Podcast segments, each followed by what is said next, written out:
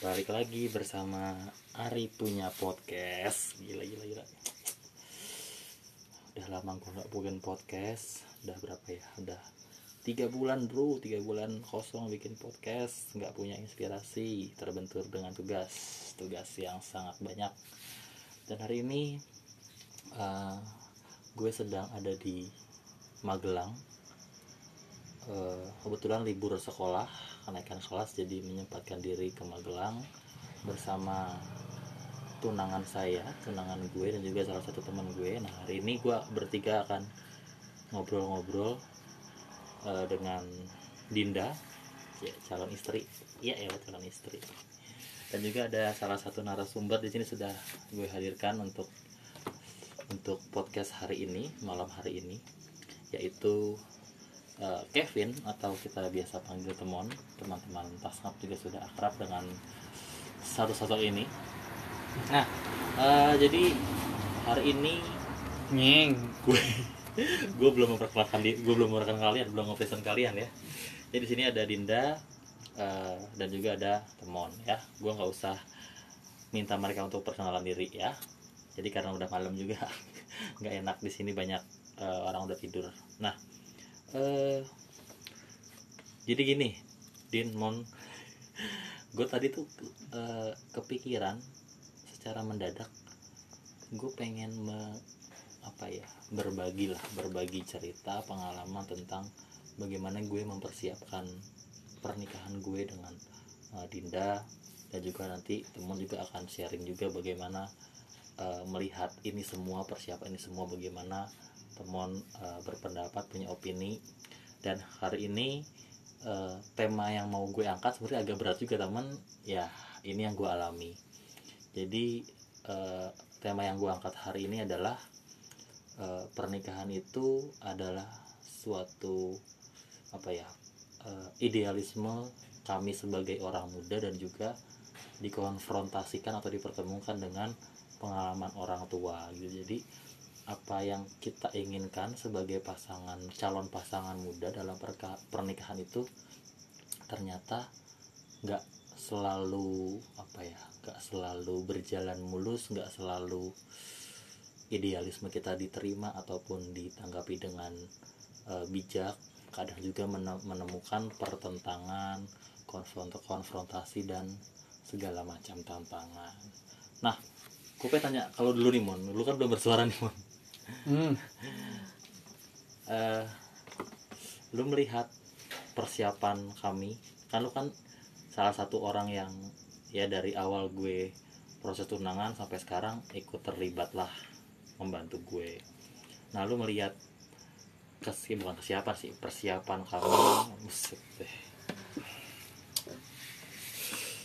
Lu melihat persiapan kami gimana nih mon? Sebagai seorang teman seorang kawan melihat persiapan pernikahan kami gitu. Ya kalau ditanya ngelihatnya sih iya ya gue nggak maksudnya gue tidak bisa memberikan maksudnya sebagai yang ada di situ ya paling cuma ngasih saran-saran tau gitu ya cuman kalau gue lihat lumayan rumit ya maksudnya maksud gue gue gue tuh melihat dari awal konsep kalian terus apa namanya apa yang mau kalian buat gitu loh. Tuh sepertinya gue pikir oh ini sebenarnya nih sama dengan apa yang gue impikan di masa mendatang gitu loh sama maksudnya. siapa? Ya emboh lah. Nggak perlu gue nggak nggak perlu gue mention ya. Nggak ada juga. Jadi dalam artian ya gue ngelihatnya sih sepertinya sih kayak ya udah pengennya gitu simple simple simple. Tapi ternyata ya ribet juga. Ya, ribet kan? Ternyata tetap aja ribet. Ya yang awalnya gue mikir tuh kayak ya udahlah. Iya gue mikir kayak iya puji Tuhannya selama ini gue cukup banyak pengalaman di organisasi dan kepanitiaan gitu loh. Gue tahu ribetnya acara gitu. Gue tahu juga tentang kayak beberapa teman gue kebetulan banyak yang wedding singer banyak yang MC banyak yang kayak gitu. Hmm. ya cuma selama ini kan kita sebagai vendor gitu loh iya betul Ah, ah. itu kalau dijatuh di dalam kepanitiaannya ataupun kayak itu gue sendiri belum pernah nih Mm. jadi ini benar-benar sebenarnya pengalaman gue yang sepertinya secara dekat itu menyaksikan Menyaksikan, langsung gitu iya. loh persiapannya ikut menyiapkan gitu terus kayak pikir ternyata ribet juga ya ribet cuy maksudnya walaupun tidak walaupun awalnya inginnya ya simple itu tapi ternyata pelaksanaannya tidak bisa sesimpel itu juga. Iya bener-bener ya kita kan kayak kayak sebagai orang muda yang ya tinggal di perkotaan kan kayak nggak mau apa pun nggak mau ribet maunya dimudahkan gitu loh. Betul. Tapi ya kembali lagi kalau misalnya berhadapan dengan eh, suatu kultur sosial atau budaya yang Betul. berkaitan sosial itu pasti selalu terbentur ada aja yang terbentur ya? Pasti kayak ya kayak gue lihat bahwa ternyata ada banyak hal yang mungkin nah itu kita close the door dulu close tadi. the door dulu bro. Lupa close the door. Ya jadi kayak gue ngeliatnya banyak juga hal yang mungkin nggak nggak masuk dalam pikiran kita gitu maksudnya dalam artian nggak masuk tuh bukan nggak bukan nggak bisa dinalar ya tapi kita tuh tidak mengekspektasikan hal seperti ini tuh ternyata perlu juga Iya, perlu, dilakukan betul. kayak gitu kayak gitu ya itu sih sebenarnya kayak oh ternyata ya memang kembali lagi juga kepada lingkungan juga ya Hmm. akhirnya Iya betul betul. Kalau Dinda gimana Din? Kamu kan yang yang juga punya konsep pernikahan yang nanti kamu akan jelasin. Coba jelasin deh, gimana sih konsep pernikahan kamu? Secara secara singkat konsep. iya sebenarnya dari awal tuh kalian maunya gimana sih Iya konsep. Kalau aku kan orangnya nurut-nurut baik. Yang penting tuh sakramen pemberkatannya berjalan lancar udah itu doang. Terlepas dari itu mau ada resepsi atau enggak itu urusan belakangan. Nah kamu gimana konsep pernikahan menurutmu? kalau aku sih dari awal Mau apa? Tawa-tawa. pengennya ya cuman yang penting sah gitu Sah secara Agama gereja. dan gereja. Ah, ah. Agama dan gereja. agama dan sipil Agama dan Agama sipil. dan gereja agama oh dan iya sipil heeh, gereja Ya. gereja dan sipil Mm. Ah, itu yang penting sah gitu ya terus nggak usah perlu apa ya pesta pesta gitu resepsi gitu cuman kan ya namanya juga aku hidup di tengah masyarakat gitu ya Magelang. Ya bi- dibilang pedesaan desa yang masih eh, satu sama lain tuh masih saling gotong royong bantu membantu. Maksudnya antar eh, individu tuh masih saling lekat lah kedekatannya gitu ya. Ya udah mau nggak mau kan juga ikut adat masyarakat juga gitu.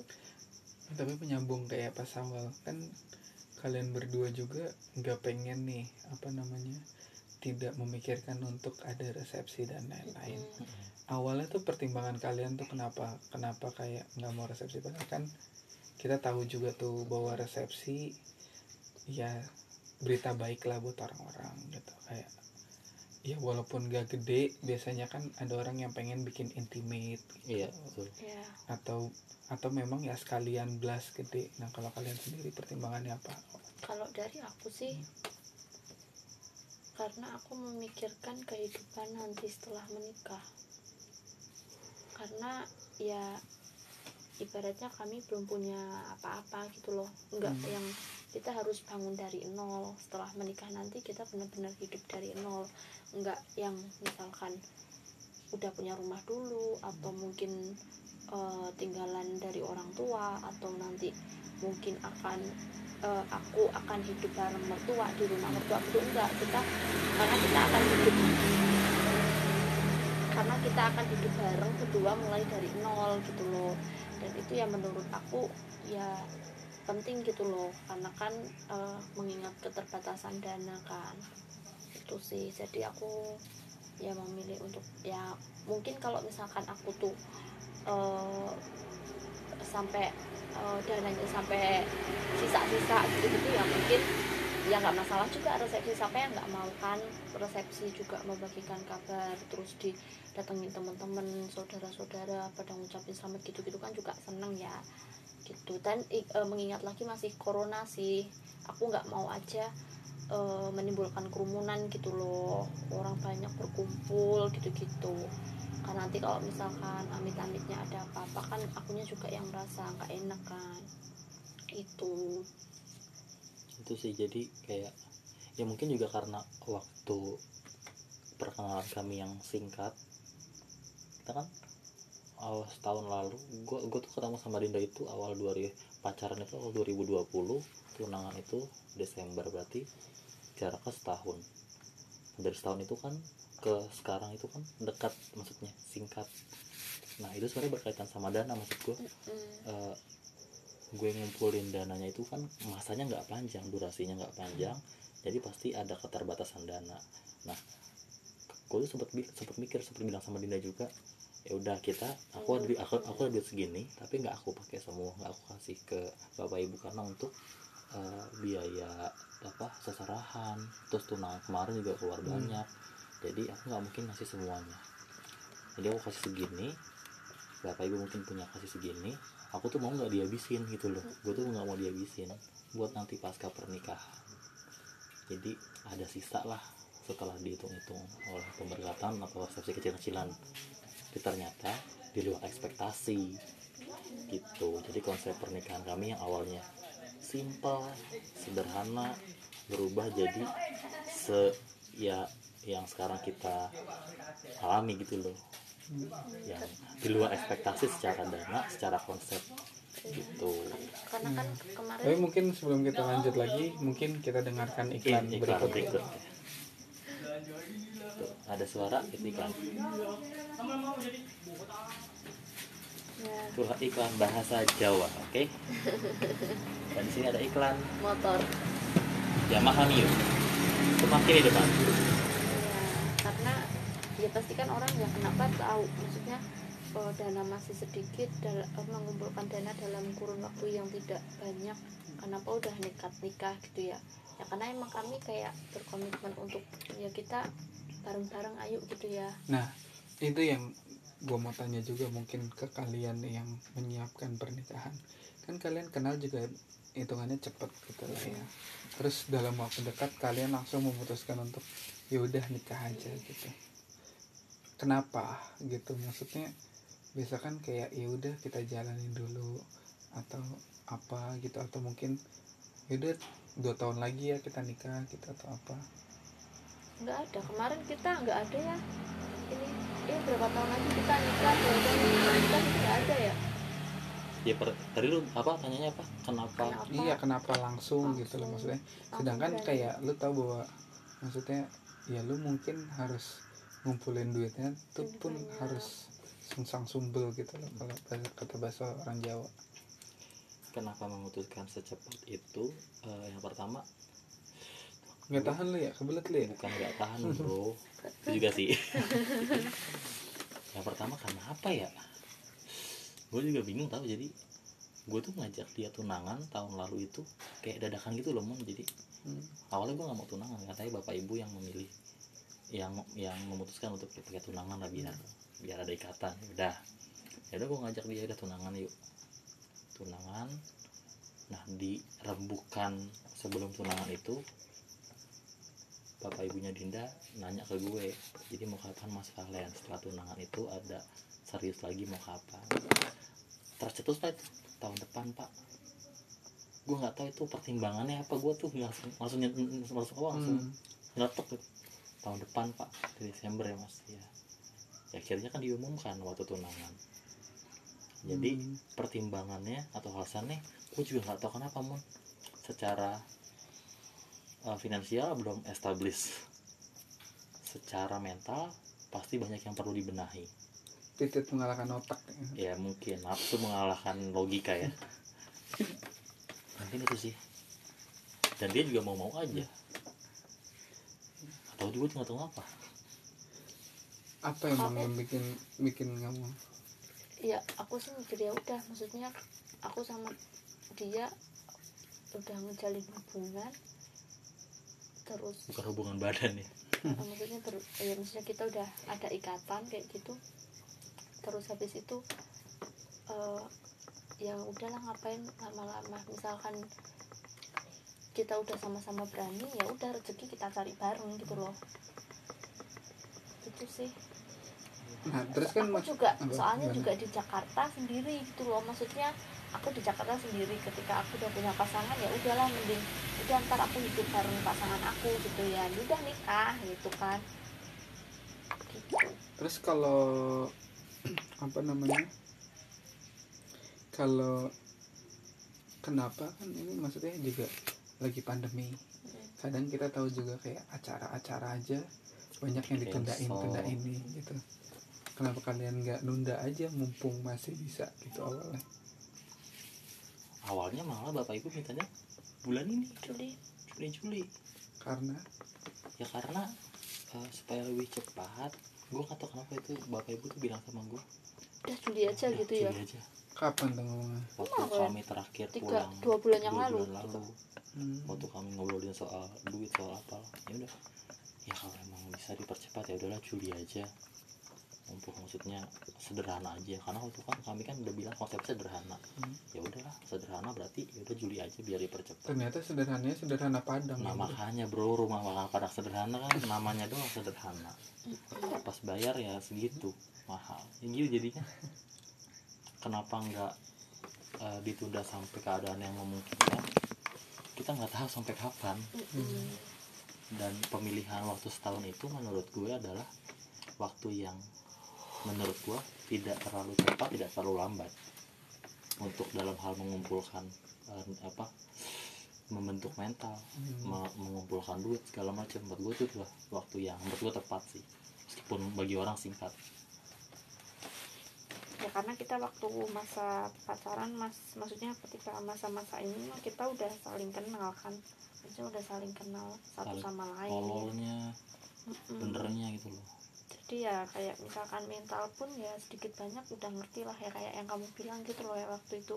Apa kalian bisa untung kalian bisa lebih mengenal part masing-masing dari pasangan kalian. Kan kamu pernah ngomong kayak gitu kan? Ya bagian terburuk dari pasangan Mm. gitu. Itu pas kapan ya? Pas waktu itu di mobil yang bro. Waktu di mobil bro. nge-DM enggak waktu itu kamu nge-DM aku mas. Oh iya nge DM lu nge DM dia. Bijak banget anjing gua. Iya makanya gue tahu. Itu kayak dibajak sama bapak lu dah. Iya kayaknya. Nih pokoknya itulah kamu bersyukur kamu bisa ini. Oh yang waktu lagi kalian berantem ya waktu oh itu nih ya? nih nih ya usah Ya, dibahas harusnya bersyukur kalau sama-sama sudah bisa menerima lowest part dari masing-masing kalian sebelum menikah. Jadi kalian nggak kaget lagi juga setelah menikah nanti lebih mudah menanggapi kekurangan masing-masing. Ya emang benar. Ini gue tanya ini siapa? Yang DM itu siapa sebenarnya? Iya gua aja bro kan bijaksana sih ini katanya. Ya tos banget lowest part lowest part gitu sih mon. Btw lu kapan mon? Nggak tahu. Kan ini podcast gue nih kenapa lu banyak nanya bro? Hmm, nggak nikah gua kayaknya. Boleh Nggak gitu mon. Belum belum kepikiran. Tapi Iya. lu lu bener-bener belum kepikiran? Kepikiran sih. Maksud gue gue kepikiran banget jadinya gue bingung apakah saya akan menikah? Kenapa rumit sekali? Ya mungkin kalau misalnya eh, duit kami agak banyak kita nggak pusing bro.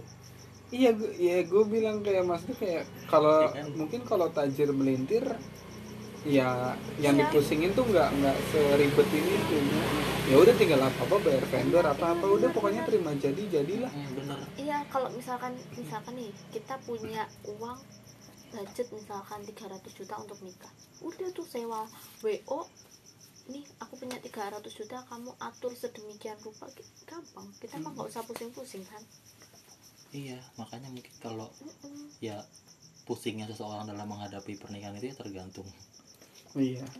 Iya di iya di luar itu sebenarnya di luar finansial sih banyak. Cuma Banyak. maksudnya biasanya terutama untuk resepsi dan lain-lain tuh itu sih masalahnya. Terus sama gue kadang mikir itu tadi untuk menyamakan mindset dengan pasangannya Iya. kayak gitu. Kayak gue juga sama Dinda tuh sering banget sering banget berantem berantem. Lah ini ini malah yang satu mau Pipi sebentar ya. Kamu nggak kuat Ya. kamu nggak kuat ituin pintunya? Nggak bisa. Jangan kuat. Ya nggak usah nggak usah pelan pelan ini nggak bisa di pause dulu apa? Nggak bisa nggak mau. Tolong dong tolong. Ya allah podcast di seolah kan ya gitu nah gue pengen masuk ke ini mon ke intinya mon ke inti persoalannya mon Hmm. Eh, menurut ya menurutku pernikahan itu adalah eh, maksudnya ya pernikahan yang gue persiapan pernikahan yang gue alami adalah ini pertemuan antara idealisme kami sebagai milenial Hmm. orang muda sama pengalaman orang tua. Mm-mm. yang mak- mak- maksudnya adalah kami punya konsep pandangan te- tentang pernikahan seperti ini. Pernikahan yang simple sederhana tanpa memerlukan banyak eh, apa ya atribut banyak banget persiapan. Tapi di lain pihak ketika itu kita bicarakan ke orang tua orang tua punya pandangan yang berbeda Hmm. berdasarkan pengalaman mereka dengan masyarakat sekitar. Menurut tuh gimana gue setuju sih karena eh, gue yakin banyak banget yang ngalamin itu. Eh, bukan hanya dalam hal apa ya bukan hanya dalam hal atribut ataupun kayak tata cara yang mau dilakuin gitu loh. Tapi bahkan sekedar konsep ataupun beberapa orang tua mungkin yang mengenal adatnya itu tuh kadang berbeda gitu kan itu tuh bisa beda gitu sama dengan apa keinginan kita gitu loh. Mungkin mayoritas mayoritas sekarang kali ya. Gue nggak tahu sih masih kebanyakan luar sana cuman circle gue selama ini yang kayak gue ngobrolin tentang hal-hal terutama pernikahan kayak gini. Banyak dari kita yang sudah mengharapkan bahwa kita tahu bahwa pernikahan tuh bukan hanya berkutat pada satu hari itu aja gitu. Iya betul sehingga kita tahu bahwa pernikahan itu kan salah satunya tuh ya kayak kita punya hajat itu kan mengeluarkan banyak sekali uang Hmm. jadi seperti kita menghabiskan apa yang kita kumpulkan selama ini untuk satu hari itu kan nah kalau gue sendiri sih secara idealnya gue mikir ya ya jangan semua tabungan dihabisin buat ke situ gitu loh Iya. karena kita masih punya ya itu kayak yang lu bilang kita masih punya pasca pernikahan itu tuh ya masih ada kehidupan yang harus kita biayai ke depannya Hmm. gitu loh. Ya walaupun dibilang duit bisa dicari lagi walaupun bakal ada rezeki nikah cuma kan maksudnya ya kalau kita bisa menyiapkan dengan baik kan kenapa enggak gitu loh. Cuma ya itu tadi kalau dengan pada akhirnya terkadang sesuatu yang kita pikir terlalu simpel untuk kebaikan kita itu belum tentu selaras dengan apa yang menurut eh, orang tua ataupun menurut keluarga ataupun menurut eh, orang-orang sekitar itu baik gitu. Karena ter terbentur lagi dengan adanya kebiasaan-kebiasaan atau norma-norma yang ada di masyarakat sekitar gitu. Nah ya itu yang yang makanya yang eh, apa jadi jadi pemikiran gue juga mungkin sama Dinda juga kayak sebagai contoh gini deh ya kita kan tadi yang sempat gue bilang di awal konsep kita kan sederhana. Kalaupun ada resepsi sederhana. Nggak apa-apa deh nggak usah ada eh, undang orang. Syukuran keluarga aja nggak apa-apa. Setelah Hmm. pernikahan gue udah bilang Dinda gitu. Eh pas ketemu bapak ibu diskusi ternyata pandangannya berbeda. Sesederhana eh, di rumah itu harus pasang tenda supaya nanti orang-orang datang buka rezeki. Lalu nanti ada bancakan atau apa tuh nasi box besek buat tetangga-tetangga. Terus habis habis itu apa lagi ya? Eh, apa perlu ada resepsi yang yang mengundang banyak orang segala macem. Yang menurut kami pada waktu itu pikiran kami aduh kayak nggak usah dicapek segala macem. Nggak mau nggak mau nggak mau nyusahin orang gitu. Tapi pada kenyataannya sepertinya kayak idealisme kita sebagai milenial itu Hmm. dibenturkan dengan pengalaman orang tua ya rasanya gimana ya? Iya. Ya itu tadi mungkin kayak ketika kita mikir sedikit aja tapi ternyata kata orang tua ya kalau sedikit masa kita nggak ngasih tahu orang-orang kita lagi punya hari baik gitu. Ya ya menurut gue ya itu hari baik gue bukan hari baik orang-orang gitu iya.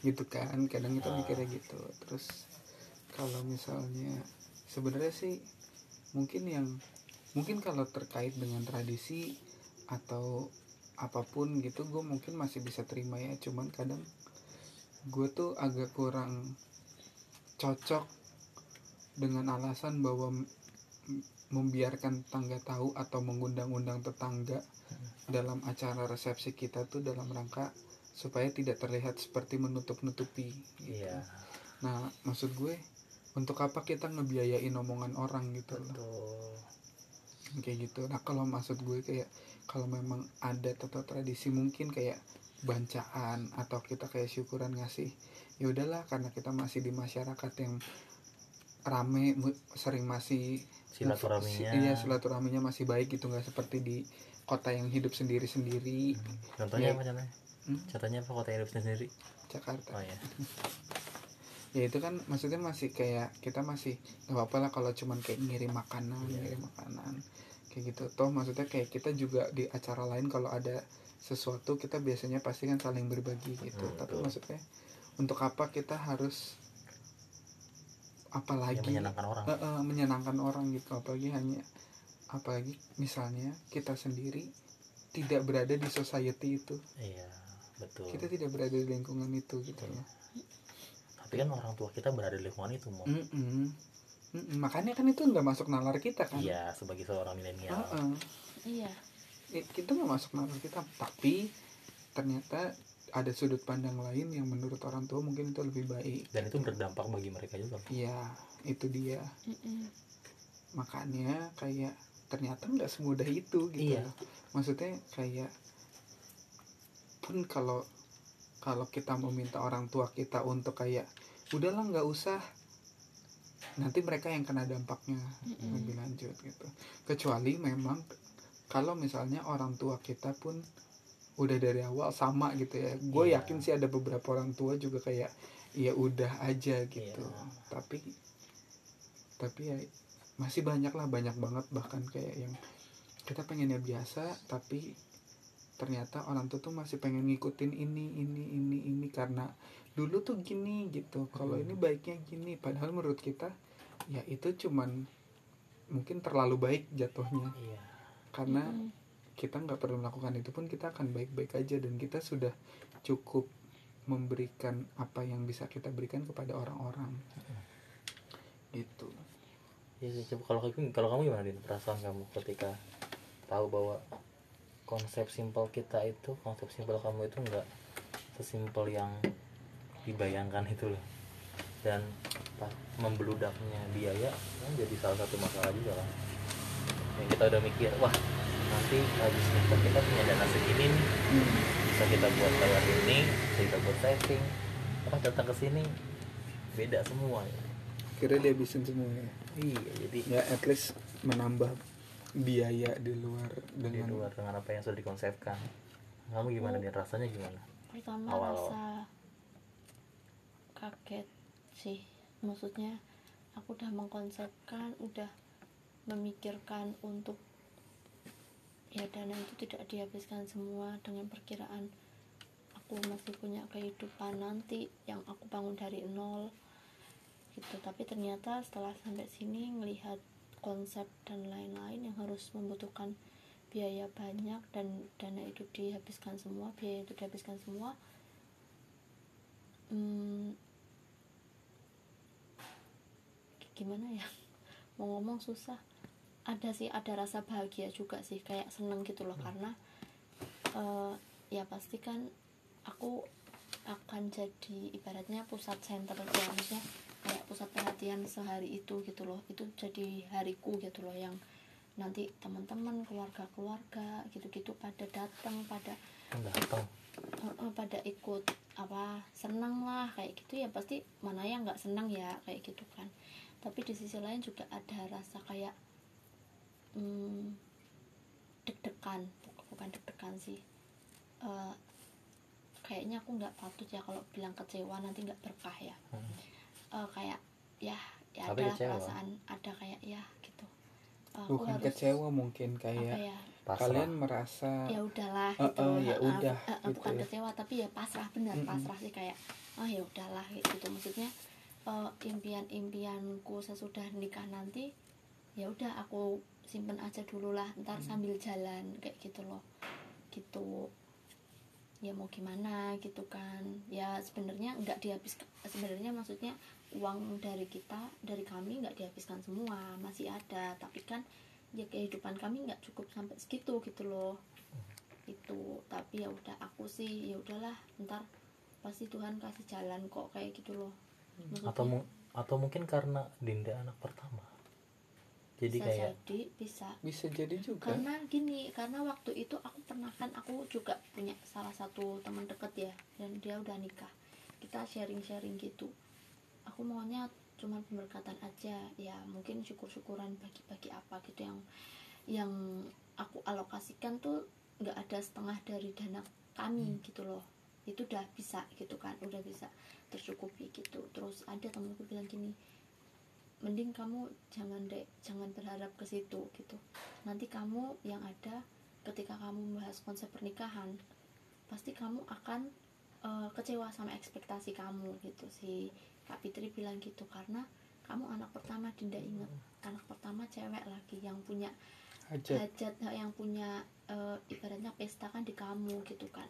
Terus pasti bakalan beda sama ekspektasi kamu yang cuman katamu udah eh, yang penting sah aja gitu enggak gitu. Terus yang kedua kalau kamu itu mengundang menyebarkan kabar gembira ini terus mereka ikut gembira mereka ikut seneng terus kamu undang mereka pada datang gitu-gitu tuh membukakan pintu rezeki gitu. Buat kamu sama si Valen kayak gitu. Terus maksudnya ya udahlah emang ini hari ini din kayak gitu. Temanku juga bilang gitu. Cuman waktu itu pas aku diomong kayak gitu ya kayak masih iya iya aja dan kayak Hmm. masih abai gitu loh. Pokoknya aku masih kekeh kalau ya aku cuman mau ada pemberkatan doang gitu loh. Cuman ya udahlah eh, udah sampai sini ya udah ya mau gimana lagi ya udah udah tinggal pasrah aja. Ya udahlah apa pun yang terbaik gitulah Iya, cuman buat yang teman-teman juga kayak mungkin ngebayangin kita tuh di sini ngomongin terutama dalam adat Jawa ya maksudnya. Karena kita berada di lingkup orang-orang Jawa semua kebetulan dan Dinda asli dari Magelang. Jadi kenapa kalau misalnya yang megang hajat itu perempuan? Ya karena di Jawa ke adatnya adalah kebiasaannya adalah pernikahan itu dibuat di keluarga perempuan awalnya. Hmm. kayak gitu. Mungkin kan ada beberapa adat yang lain kan bikinnya di cowok kan karena cowok yang ngadain adat gitu nah kalau di Jawa sendiri kalau pernikahan dengan ya secara ngikutin adat ya itu pasti akan perempuan yang punya hajat, Hajat. gitu Hmm. iya iya. ya sebenarnya gue juga berpikir gini sih din kayak sebenarnya kalian tuh bisa eh, mau kalau mau ngejalanin pernikahan yang sesuai yang kalian ingin gitu. Hmm. nggak terlalu ribet. Tapi konsepnya? Ha-ha. Oh. tapi dengan cara kalian nikah di Jakarta. Ya. Semua kalian yang konsep Mm-mm. jadi kalian tinggal bilang ke bapak ibu pak bu semua sudah kami urus. Intinya kayak gitu ya dengan cara baiknya masing-masing.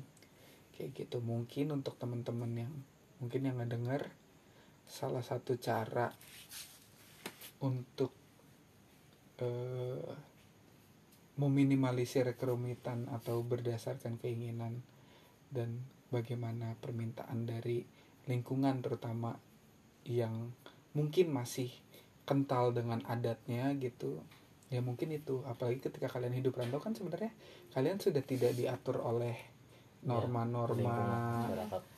Norma-norma awal ketika kalian di sini kan sebenarnya kalian bisa begitu. Cuma kan seperti kalian kan pengennya butuh restu orang tua langsung dan untuk itu ya walaupun di sana juga tetap dapat restu cuman maksudnya berbeda. Berbeda. Iya iya benar benar benar. Ya gue melihatnya sih kalau mungkin ya mungkin gue nggak tahu sih untuk Hmm. Ini berbeda juga mungkin setiap orang tapi gue mungkin melihat kalau sama-sama orang rantau gitu ya kan mereka sudah terlep bukan sepenuhnya terlepas yang artinya abai gitu ya Hmm. tapi kayak mereka sudah bisa lebih meninggalkan bukan meninggalkan apa namanya tidak harus saklek sama Iya. kebiasaan-kebiasaan yang ada di daerah awal mungkin kalau misalnya kalian ngadain Jakarta nggak perlu bikin yang di rumah satu iyalah ya kan karena pasti ya siapa yang mau Iya. diundang orang Hmm. kalian itu kan. Nggak perlu apa mungkin hanya bikin kalau kalian masih ngekos atau ngontrak kan paling ngasih ngirim ke tetangga-tetangga. Iya. paling itu doang kan. Iya benar. Kalian nggak perlu bikin acara hajat lagi di rumah. Iya, terus bikin resepsi juga bisa ya udah kalau maupun resepsinya adat Jawa tapi kalian nggak perlu ngundang orang-orang. Iya. Paling keluarga terdekat karena kalian juga ada di rantau. Hmm, ya kan kalau di sini kan teman kecil atau itu kan berusaha semua dikontak kan. Mungkin kalau di di tempat rantau ya susah juga kita mau datengin orang-orang yang dari jauh kan kasihan. Paling setidaknya keluarga kan. Hmm, jadi bisa kembali ke itu. Mungkin teman-teman bisa memikirkan seperti itu. Ya berarti eh, antara idealis idealisme kita sebagai milenial dengan dibenturkan dengan pengalaman dari orang tua itu ya bisa bisa dari banyak faktor banget dari banget. dari lingkungan eh, sosial apa kehidupan sosial masyarakat di tempat eh, tertentu Mm-mm. lalu dari eh, apalagi ya eh, budaya masyarakatnya itu tentang Iya. ya nanti kalau misalnya kamu mau nikah ya nanti pakai tenda lah segala macem lah. Jadi kan kayak kita jadi tersugesti untuk oh iya nanti kalau misalnya nggak pakai tenda nanti gini-gini ya. Mm-mm. dan kayak omongan omongan orang tuh kayak apa ya merasuk. menjadi ya merasuk menjadi pikiran kita. Ya kira kita buat segala macam jadi ya apa yang orang omongin terhadap konsep kita nanti ya semuanya kita masukin Mm-mm. kita pakai jadinya ya apa yang konsep awal kita buat jadi nggak masuk jadi nggak ada gitu loh. Terus habis itu tadi eh, apalagi ya? Ntar kalau nggak kelihatan apa namanya rame-rame ntar dikira ada ditutupin kecelakaan. ya. Nah ya itu tadi yang Gitu-gitu. itu gue bilang Eh, kayak sesuatu yang terutama ya gue paling gak suka adalah kalau misalnya alasannya membayari omongan orang. Iya. Iya kayak gitu. Ya. Gimana ya mon? Iya maksudnya kayak sayang banget ternyata sampai saat ini di negara kita tercinta plus 62 itu masih banyak sekali yang eh mungkin kalau misalnya pendengar ini mayoritas orang Jakarta mungkin kalian akan merasa aneh. Ya udahlah bodoh amat gitu. Ya udahlah kenapa sih kalian kayak ya udah ngomongan tetangga tuh? Nah. Kayak nggak relate gitu ya? Iya. Nah, cuman nih mungkin buat gambaran buat kalian yang siapa tahu nanti kalian ketemu sama orang yang asli, masih asli dari daerah tertentu, Hmm, kalian tuh akan merasakan untuk mengetahui norma norma-norma yang ada di sana. ya dan itu pasti akan mengubah pola pikir mereka Iya. tentang itu Itu dia. karena jujur gue juga ya gue lama di Jakarta dengan segala dengan segala hirup pikuknya ya gue sama Indo bilang udahlah simpel aja toh pasti mereka setuju pasti mereka juga mau yang sederhana dan nggak ngerepotin semuanya ya tapi ternyata teori tidak berjalan lurus dengan praktek. Apa yang kita harapkan tidak selamanya terwujud. Dan mungkin memang pengalaman juga menjadi faktor yang lain pengalaman orang tua. Mm-mm. pasti mereka tahu mana yang terbaik nggak mungkin ngasih yang uh, setengah-setengah buat kita. Mm-mm. meskipun ada pengorbanan yang mungkin di nanti kita korbankan. Iya mungkin dari orang tua mungkin dari kita. Ya pasti itu buat yang terbaik sih memang tapi aku emang dari kemarin tuh langsung mikir sih. Apa? kayak ada langsung mikir aduh nanti aku, aku harus gimana nih nanti setelah nikah? Ya sama gue juga mikir. Ya mungkin ketika nikah seneng ya. Tapi nanti ketika kita balik ke Jakarta tuh ya mungkin ini ketakutan aku sih. Tapi Hmm. semoga aja ini cuman ketakutan dan Tuhan tolong ya. Aku bisa hidup nggak nanti setelah nikah gitu loh. Maksudnya iya kita nggak terus hidup langsung mewah gitu ya nggak. Cuman ya kami tahu dana kami gitu loh a- aku sama eh, Mas Ari yang ngerti dana kami yang tahu uang kami kayak gitu loh. Aku udah aku alokasikan ke mana aja akan aku alokasikan ke mana aja gitu loh. Tuh karena kan nggak mungkin nanti kami setelah nikah mau ngegembel di pinggir kayak gitu kan. Ada rumah tidur di lantai masa iya itu ya udah nggak apa-apa lah. Ntar sambil jalan. Pasti Tuhan sih udah kasih rencana yang baik lah. Nggak mungkin.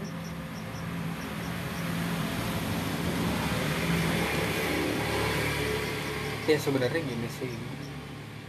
Gue gue tuh dulu juga berpikir gue ada beberapa alasan kenapa pengen kayak pernikahan gue mengharapkan pernikahan gue sendiri itu bukan yang resepsi gede-gedean yang pertama dulu tuh pas zaman zamannya gue masih sering ke resepsi zaman belum corona itu tuh gue sering ngeliat.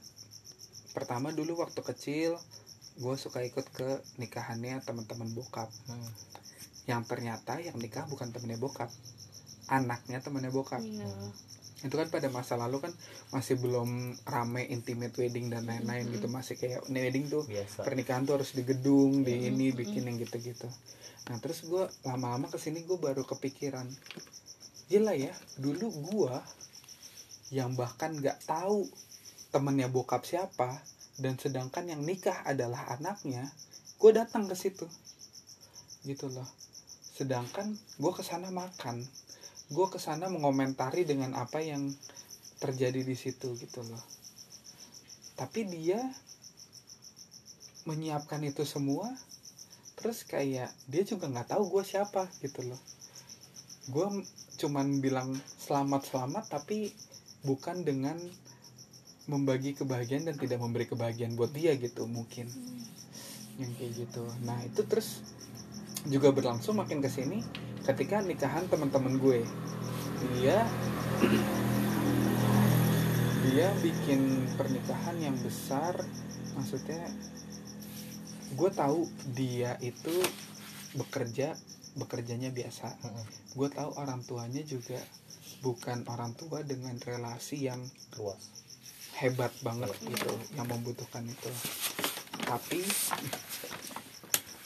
tapi dia membuat pernikahan karena menurut dia ya pernikahan seperti itu gitu terus gue jadi ngeliat kayak inilah ini pernah dibahas juga sama waktu itu kalau kalian suka dengar stand upnya Radit yang terakhir Ya. Radit juga bilang kenapa gue ngundang orang ketika gue udah ngasih mereka makan eh malah mereka yang ngomongin gue gitu loh. Yang di Maksudnya- SCRD ya? Iya yang di ceritanya yang, dia itu. yang, se- yang sejam itu ya? Yang sejam. Iya, iya.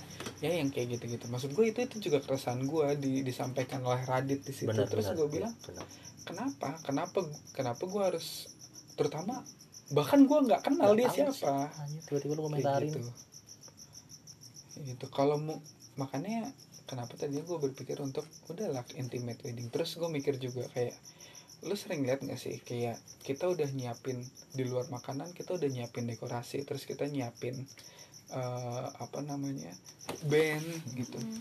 bahkan udah ada band orang tuh cuman itu dijadiin pengiring saat jadi background music saat kalian makan gitu loh. Buat apa gue bayar mahal-mahal tuh band gitu loh. Maksudnya kayak kalau di dalam rundown pun kita tidak ada acara untuk menikmati mereka gitu loh. Mm-mm. setelah aja MP3 itu juga nggak ada yang tahu gitu kan. Ya. gue mikir kayak gitu. Maksud gue gue selalu pengen gue kalau punya wedding tuh maksudnya kayak acara. Gue pengen gue tuh selalu berpikir gitu kayak gak usah gede nggak usah ini tapi setiap apa yang gue berikan kepada teman-teman gue kepada keluarga gue itu punya feel. Punya ya punya punya value lebih gitu loh. Nggak cuman dipasang karena memang itu kebiasaan gitu. Iya. yang kayak gitu. Jadi gue pengen kalau misalnya ada band ya sama-sama kita ada part kita nonton itu band gitu loh. Ya. untuk menunjang Maaf, kesakralan pernikahan kita entah misalnya kayak kita sambil ngedance kah di depan atau Iya. apa misalnya yang kayak gitu. Terus kalau makan mah ya makan kita selalu mencoba memberikan yang terbaik lah ya pokoknya. Gitu. Terus kenapa gue pengennya intimate wedding juga? Yaitu karena kadang gue aja nggak tahu dia siapa gitu Iya. loh. Orang datang ke situ gini-gini ya eh, terima cuman salam terus ya, Mas. terus yang paling terakhir adalah gue nggak mau gue jadi boneka satu hari maksudnya gue tuh bukan pajangan yang cuma disalam salamin gitu gue pengen pernikahan gue kenapa kecil karena gue pengen sama istri semuanya gue kan semuanya kenal gue pengen gue bisa mingle sama ya orang makanya orang ins- ya itu kan intimate kan. Lebih Mm-mm. intim dengan tamu-tamu dengan Mm. yang hadir. Makanya terbatas ya diundang kayak waktu itu aku konsepin di awal kan. Aku Iya. pengen di kayak ya mungkin kayak order-order gitu. Tapi yang datang cuma terbatas dan kita nggak dipajang di depan Iya. jadi kita jalan-jalan gitu-gitu dan nggak usah pakai baju yang apa sih ribet-ribet gitu iya. mungkin kita cuma pakai kebaya ya akan membedakan ketika manten dan tamu tetap kita make up tapi nggak seribet itu dan Hmm. kita ikut membaur bareng tamu dan yang mana tamunya itu adalah benar-benar teman yang eh apa kerabat-kerabat yang paling dekat gitu. Cuman jadi kan nah itu tadi kayak salah satunya adalah berbagi kebahagiaan kan? Iya iya jadi semua yang datang ke kayak situ gitu. tuh kayak Ikut, gila asik banget ya seru banget ya kita uh-uh. menikmati bahwa acara ini memang seru yuk kita Iya, bareng-bareng. Uh-uh. ya jadi kayak memang. celebrate bahwa gue punya gue punya acara lu datanglah ke acara gue untuk yuk kita ngerayain bareng-bareng. Gue ngundang lu buat yuk lu Iya. bisa lah jadi bareng Mm. bareng sama gue untuk rayain Iya itu itu konsep awalku ya mas ya. Aku kayak gitu konsepnya pengen ya kita bareng-bareng gitu loh pesta. Jadi tamunya nggak di apa mantannya nggak dipajang. Kita jalan-jalan, sapa-sapain, makan bareng gitu-gitu kan. Mm-mm. Cuman ya bukan adatnya. Betul. Itu sekali lagi terbentur. Iya. Dipertemukan dengan hal yang bertolak belakang. Iya, nah terus sama sama gini, sama yang terakhir itu adalah kan kita selalu bilang kayak kalau misalnya kita mau resepsi undang orang yang banyak, kita ajak orang supaya datang ikut berbahagia sama kita, Mm-mm. karena itu membuka pintu rezeki. Nah, gue tuh sering mikir kayak gini, gue gue tahu ketika makin banyak tamu yang datang, itu artinya akan lebih banyak mungkin orang yang ngamplopin atau ngasih Iya. tapi gue selalu berpikir dari awal gue tuh pengen nikah itu tuh kayak acara. Gue bukan pengen jadiin ada tiket masuk ada gitu ya komersil. Gue nggak pengen ada retribusi sebenarnya. Jadi dalam artian bukannya gue tidak mengharapkan ya ya kalau mau lo ngasih dapat sumbangan ya gue dengan senang hati gue terima. Tapi gue tidak tidak mengharapkan bahwa karena gue pernah denger gini nih ada temen gue yang bilang udahlah nikah kita minjem duit aja dulu nanti juga duitnya Iya, ketutup Balik. balik dari modal. ya kan juga balik modal dari apa namanya dari amplop nah hal yang kayak gitu tuh gue yang nggak mau maksud gue kayak persis ya gimana Ya. caranya itu tuh kayak lu investasi bodong aja kalau ngomongin sekarang tuh kayak lu aja nggak tahu returnnya berapa lu udah main bikin ambil. Ya. naro duit modal gede aja gitu. Maksud gue kayak gitu. Nah gue gue juga nggak mau itu. Maksud gue ya ya gue tahu ada ada hubungannya. Nah cuman itu tadi kembali lagi juga kalau misalnya apa yang urusan amplop ini adalah gue tahu bahwa mungkin buat teman-teman kita yang Chinese karena gue beberapa kali datang ke acara mereka dan gue itu mereka kan menggunakan resepsi itu sebagai salah satu bentuk menjalin relasi lebih Ya. karena salah satu tradisi ketika mereka saling memberikan amplop itu adalah bentuk kedekatan relasi mereka Mm-mm. itu juga membangun suatu jembatan bisnis baru gitu loh sedangkan kan gue enggak gue bukan tipe gue bukan seorang pebisnis yang relasinya di mana-mana dan orang tuh datang ke gue karena untuk oh iya dia gue dia tuh berjasa dalam bisnis gue gue harus datang untuk memberikan sesuatu ke dia supaya dia mau tetap berbisnis sama gue. Jadi kayak sifatnya take and give gitu ya? Iya sebenarnya nggak take and give sih itu lebih ke arah normatif bahwa lu lu lu jadi misalnya gu, lu ker- bukan kerja tapi kita kita partneran nih. partner. Kita partner. Masa sih lu datang ke gue nikahan gue lu cuma ngasih 5000 ribu? Iya. Kan kehitung loyalitas pertemanan lu Iya. seberapa sama gue. Berarti kan dihitung dari salah satunya cuman kan itu ngelihat lagi mungkin bukan hanya nominalnya ri. Iya tapi ngelihat dari kehadiran. Eh, sama dari mindsetnya. Iya. maksudnya kayak masa sih lu menghargai atau kayak memberi ucapan selamat tuh nominalnya Segitu. segitu, itu kan maksudnya nggak masuk akal gitu loh itu tuh kayak sesuatu yang lu ngelecehin gue gitu Iya. itu kayak sesuatu gitu bukan masalah nominalnya tapi kayak kepantasan, Kepantasan. itu dilihat dari pertemanan lu apakah lu pantas ngasih segitu iya nah gue tidak berada pada situasi Situasi yang mengharuskan seperti itu karena itu bukan tujuan utama lu kan Betul. Iya. Dan gue tidak bukan orang yang punya relasi begitu banyak dan sepenting itu. Hmm. Gitu loh. iya iya iya iya bener bener bener bener bener Kecuali kecuali memang misalnya bokap gua ternyata udah general manager gitu misalnya di suatu perusahaan atau misalnya Hmm. udah direktur dia berhubungan dengan apa atau misalnya bokap nyokap gua adalah pengusaha besar suppliernya di mana-mana Hmm. bu- distributornya di mana-mana ya kan ngundang lah untuk dalam artian mempererat juga sebagai Iya. bentuk gua ngasih tahu ke mereka gue bisa maklumi tapi gue tidak berada di posisi itu. Makanya gue kenapa nggak mau. Iya. Paling hanya orang-orang terdekat dan kenal aja. Kalau misalnya memang sekali lagi dikonfrontasikan dengan orang tua yang punya konsep berlawanan dengan apa yang lu konsepkan gimana? Simpel singkat aja. Diomongin sama pasangan kalau pasangan gue tidak bisa untuk membantu meyakinkan atau apa pun ya mending gue pasrah aja tetap ujung-ujungnya seperti iya itu ya? ujung-ujungnya pasrah pasti. Karena pilihannya nantinya akan membatalkan pernikahannya atau tidak kan? Iya. Jadi eh, konsekuensinya kalau misalnya kita melawan itu penga- apa iya. Apa yang pasti kan orang- ada sesuatu mungkin orang tua kita kecewa. Atau kayak pengennya ya udah dimundur aja atau ya wes nikahnya nanti aja atau ya udah jangan nikah sama dia gitu jadi Iya. dampaknya akan jauh lebih besar daripada yang kita pikirkan. Iya, iya. Jadi ya selama kalau misalnya ternyata orang tua minta ini itu di luar apa yang sudah kita konsepkan tapi ternyata masih bisa kita jalanin, ya lanjut Ya, ya. lanjut. Ya lanjut aja. Iya.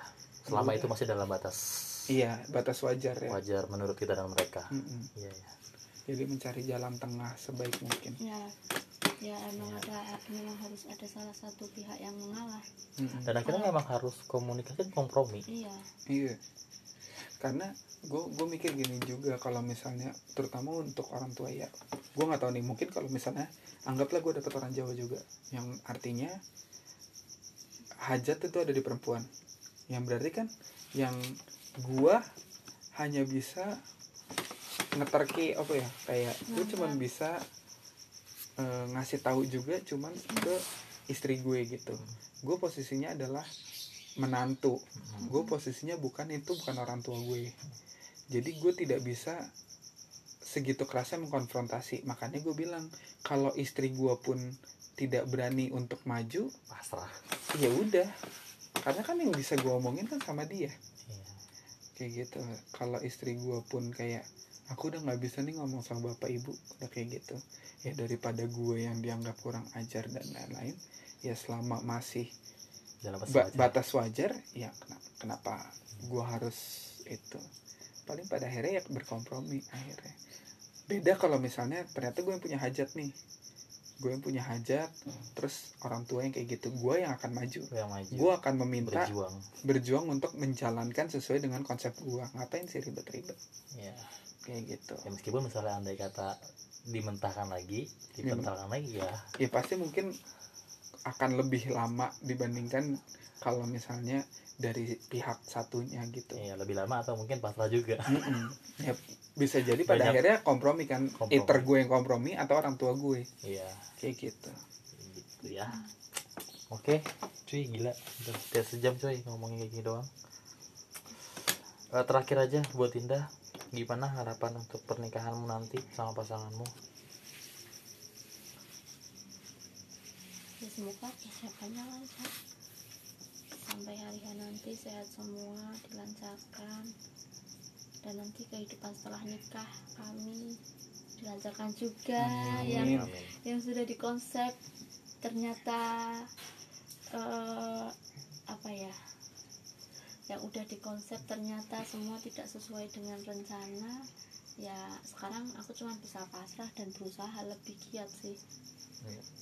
tapi kan bisa kayak sekarang juga kayak kalau dilihat ya siapa yang tahu kayak nanti menuju hari H kan juga masih panjang nih. Mm-mm. siapa tahu ada sesuatu yang ternyata membuat oh ternyata ini semua lebih baik gitu. Iya Iya membuat membuat makanya.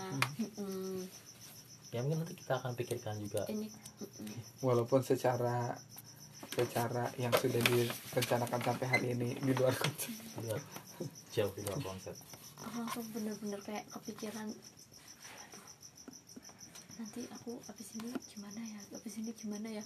Langsung udah gitu nggak tahu ya kalau Mas Ari ya. Sama.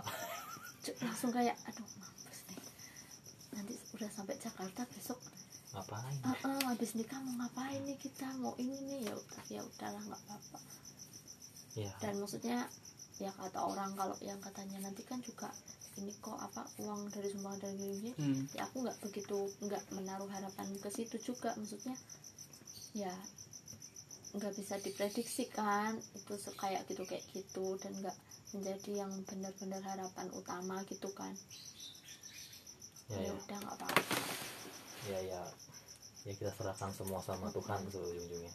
Selagi kita berusaha selagi kita komunikasi yang baik kompromi yang baik pasti ada jalan sih. Dan apa pun dan itu. berdoa. Eh kali nanti tiba-tiba aku menang lotre. Ya bisa Ya, aja. bisa, nggak ada apa yang ntar tahu. tiba-tiba bulan apa gitu hatiku terketuk untuk ayo Dinda kamu maju misalkan saham atau kripto gitu. Mana tahu Tuhan mendatangkan uang nih kamu kamu aku kasih gantinya eh, 50 juta 100 juta nih Dinda. Nggak ada yang tahu oke. Gak ada yang tahu? Mon terakhir Mon dari apa yang kita omongin apa kesimpulan atau apa yang ya satu satu dua patah kata lah. Yang pasti sih untuk urusan pernikahan itu pertimbangannya banyak. Ya betul.